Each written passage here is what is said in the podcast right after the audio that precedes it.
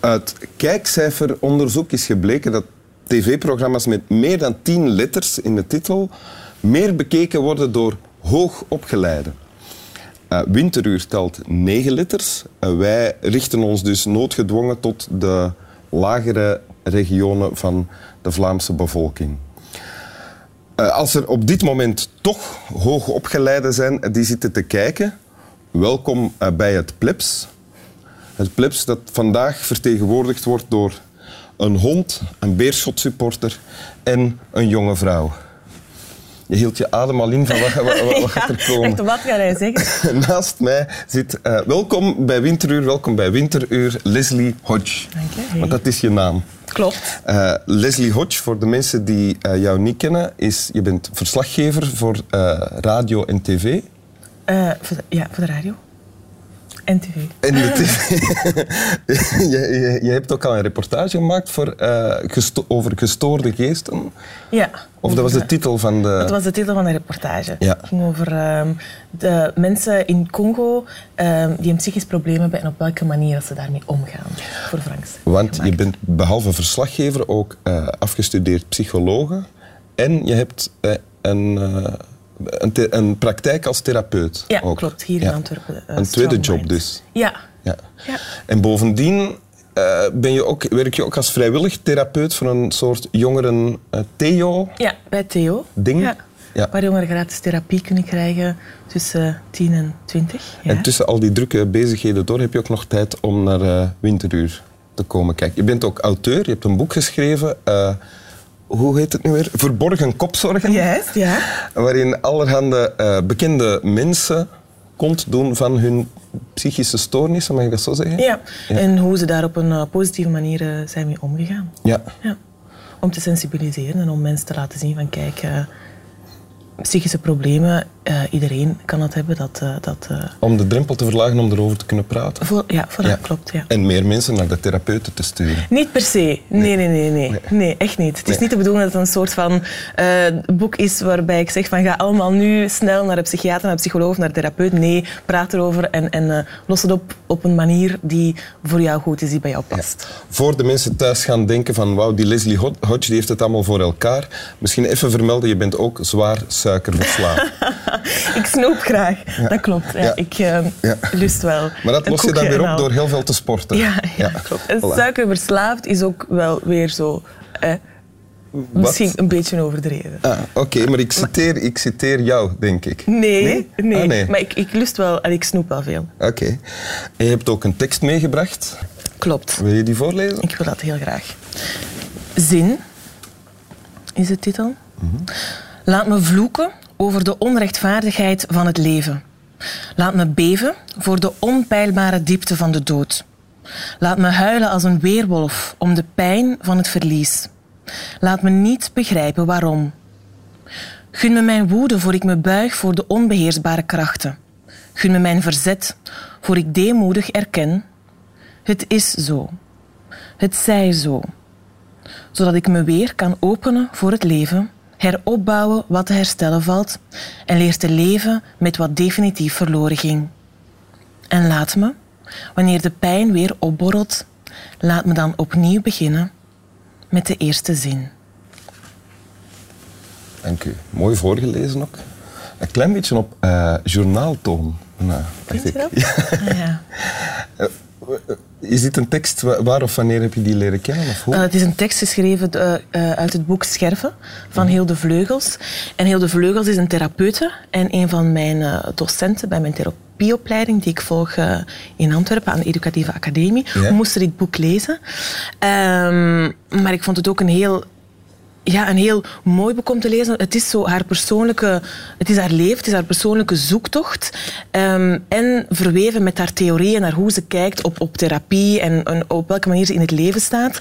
En dan dit fragment over rouw en over verdriet, ja, dat sprak mij onmiddellijk aan, heb ik onmiddellijk omcirkeld en, en, en heb ik een paar keer herlezen, omdat het, vind ik, op een hele mooie manier weergeeft hoe verdriet en, en rouw en pijn op welke manier je daarmee kan omgaan. Want daarover gaat dit, over rouw en verdriet, ja. En wat zegt ze daarover in deze tekst? Um, in deze tekst is het vooral... Wat ik ook persoonlijk vind, is dat er in onze maatschappij heel weinig um, tijd en ruimte is voor pijn en voor verdriet. En het moet allemaal snel vooruit gaan en er wordt niet over gesproken. En hoe, hoe, sneller dat het achter de rug is of dat je denkt van dat je erover bent, is het oké. Okay. Ja, over pijn en over verdriet. En daarom vind ik het zo mooi in deze tekst dat ze dat echt helemaal beschrijft. En ook die evolutie van pijn en van rouw. Zit um, dat hierin, de evolutie daarvan? Ik vind van wel. Ah ja, oké. Dus, en, en beschrijf het. De eerste paragraaf eindigt met laat me niet begrijpen waarom. Uh, ja, een soort van, van onrechtvaardigheid, een soort van woede. Je kan, je kan rouwen om ongelooflijk veel verschillende dingen. En om, ja. om, om, om, een relatie die is stuk gelopen, om, om ja, het, het iemand dat je hebt verloren, iemand is gestorven, maar ook om, om in het boek, Hilde, heeft het over haar kinderwens. Ze kon geen kinderen krijgen en in dat boek verwoordt ze dat heel mooi. En zie je ook in de verschillende levensfasen op welke manier ze er dan telkens mee omgaat. En de eerste fase die hier beschreven wordt, is dan uh, aanvaarden dat je het niet kan uitleggen, dat het niet te verklaren is? Nee, niet per se, maar je mag die woede voelen. Je mag zo die, die, dat verdriet voelen. Je mag, die, die, je, mag zo dat onrecht dat je dan zo plots denkt van waarom wordt dat mij hier aangedaan? Dat mag er zijn, je mag dat voelen. En daarna zie je, eh, zegt ze ook van gun mij dat. Dat mag er zijn. Je mag boos zijn. Je mag die woede voelen. En daarna zie je van kijk, probeer er betekenis aan te geven, probeer ermee om te gaan, hè, zodat je weer kan zodat je weer kan openen voor het leven. En dan het allerlaatste, de allerlaatste paragraaf vind ik het mooiste, dat ze dan echt zegt van um, en laat me dan opnieuw beginnen met de eerste zin. In de zin dat dat rouw en verdriet, dat dat geen, geen eindig proces is. Dat je niet kan zeggen van, goh ja, en nu is het voorbij. Nu is het gedaan. Nu ben ik voorbij. Nu is het ah, okay. over met rouwen. Maar het kan zijn dat je achteraf, dat je herinnerd wordt door een geur of een persoon of een plek of een en plaats. en dat, dat, ja, dat, het opnieuw, dat je opnieuw overvallen wordt door dat verdriet of door die pijn en dat je dan opnieuw begint met, met, met heel dat proces. Ah ja, want dus de, de laatste paragraaf waarin ze zegt laat me dan opnieuw beginnen met de eerste zin, die zin die verwijst opnieuw naar, naar dat is ook de titel van het gedicht. Mm -hmm, ja. Mm -hmm. Het is een soort van ja, een, een cirkel die rond wordt, maar die je wel opnieuw kan beleven. Is dat zo bij rouwverwerking dan? Dat kan, dat kan. En dat is ook voor iedereen anders. En het is ook jammer dat, het zo, dat mensen zeggen van ja, het, is, het, moet, het moet snel voorbij gaan, het moet kort zijn. Um, ze is weten dat niet goed hoe mensen dat? Want je zei dat er net ook. Ja. Ja, ja, ja. ik heb heel vaak de indruk dat er um, vrienden, kennissen, maar ook cliënten die langskomen, die het heel bizar vinden dat ze zoveel jaar nadat er ja, iemand is weggevallen, een relatie is stuk gelopen of iemand is gestorven, dat ze toch nog die pijn kunnen ervaren of aan iets kunnen herinnerd worden en daar toch nog met pijn ja, door kunnen overvallen worden. Maar, maar dat hoort er gewoon bij. Dat, dat, dat kan en dat mag zo zijn. Ah, ja. En dan vragen mensen van, oei, ben ik nu raar? Ben ik vreemd? Is dat, is dat, allee, is dat, is dat iets bizar van mij? Maar, maar dat is niet zo. Dat is gewoon een... een... Want wat zijn zo'n beetje de termijnen van rouw als het gaat over bijvoorbeeld je ouders? Goh, Maar ja, je mag daar absoluut geen termijn op plakken. Je kan niet zeggen van dat is net hetgeen, het is voor iedereen anders. Ah, je mag echt niet zeggen van dat is het, zo is het en nu na 14 dagen moet het over zijn en moet je opnieuw verder gaan met het dus leven. Een jaar voor ouders, een half jaar ongeveer voor grootouders? Dat, zou heel mooi zijn als je dat allemaal zo heel strikt zou kunnen plannen en zeggen van en de tijd is voorbij, het is over. Het is, het is gedaan. Maar uh, zo is het niet. Zo is, zo het, is het, niet. Nee, het is een proces. je moet opnieuw beginnen met de eerste zin. Of het kan dat je opnieuw moet voilà. beginnen met de eerste ja. zin. Oké. Okay. Wil je het nog eens voorlezen? Ja, ik wil het nog eens voorlezen. Zin. Laat me vloeken om de onrechtvaardigheid van het leven.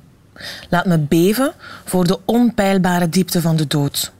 Laat me huilen als een weerwolf om de pijn van het verlies. Laat me niet begrijpen waarom. Gun me mijn woede, voor ik me buig voor de onbeheersbare krachten. Gun me mijn verzet, voor ik deemoedig erken. Het is zo. Het zij zo. Zodat ik me weer kan openen voor het leven, heropbouwen wat te herstellen valt en leer te leven met wat definitief verloren ging. En laat me, wanneer de pijn weer opborrelt, laat me dan opnieuw beginnen met de eerste zin. Dank u. Slap wel.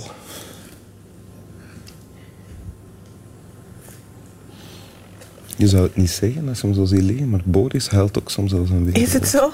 Nee, dat zou je niet zeggen. Dat zou je niet zeggen. Nee. Boris blaf. Nu niet in ieder geval.